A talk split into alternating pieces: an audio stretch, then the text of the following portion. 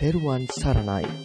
අප්‍රමාණ පින්කම් කරත් ලෝකයා රවටා ඔහු විසින් සිදු කළ අප්‍රකට අකුසලයන් නිසා මරණින් මතු නිරේ පැහුණු හැටි එමෙන්ම යන්ත්‍ර මන්ත්‍ර ගුරුකම් ජීවිතය කරගත් අයට මරණින් මතු සසරේ අත්වන ඉරණම සහ මළගිය ඇත්තන් හීනෙන් පෙනීමට හේතුව පින්වන්ත හිමි නමක් උතුම් සමාධියෙන් දුටු කරුණු ඊතා ධර්මානුකූලව අතිපූජනීය රාජගිරියේ අරියඥාන ස්වාමින් වහන්සේගේ ධර්මදේශනාවක් තුලින් අපි දැන් ශ්‍රවණය කරමු.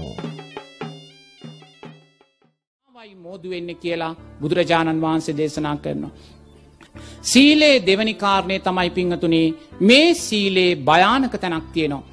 ඒ භයානක තැන තමයි බුදුරජාණන් වහන්සේ දේශනා කරනවා.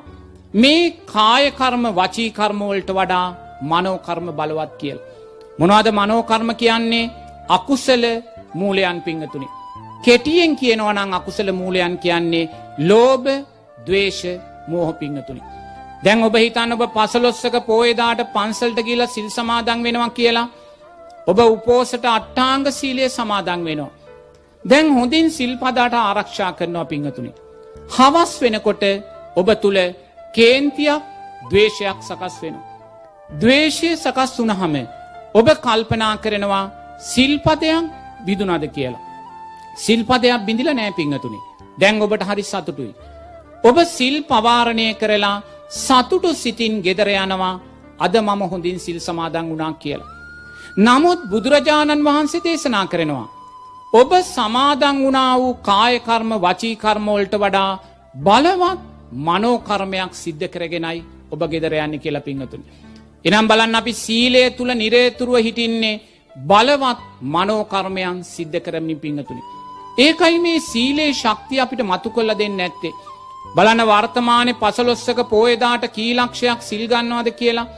ඒ ප්‍රමාණයත් එක ගනිද්දි පිංහතුනේ කොයිසා ඉදිරිගාමී පිරිසක් සමාජයෙන් මතුවෙන්න ඕන්ද. එහි යම් දුර්වලතාවයක් තියෙනවා නම් ඒ දුර්වලතාවය සකස් වෙන්නේ සීලේ ශක්තිය මතු කොල්ල දෙන්නේ නෑ. ඇයි සීලේ ශක්තිය මතු කොල්ල දෙන්න ඇත්තේ. කායකර්ම වචීකර්ම ගැන හිතනවා බලවත් මනෝකර්ම අමතක් කරනවා. දැම් බලන්න ඔබ අද උදේ පාන්දර පංචසීලය සමාදං වුණා කියලා හිතන්න.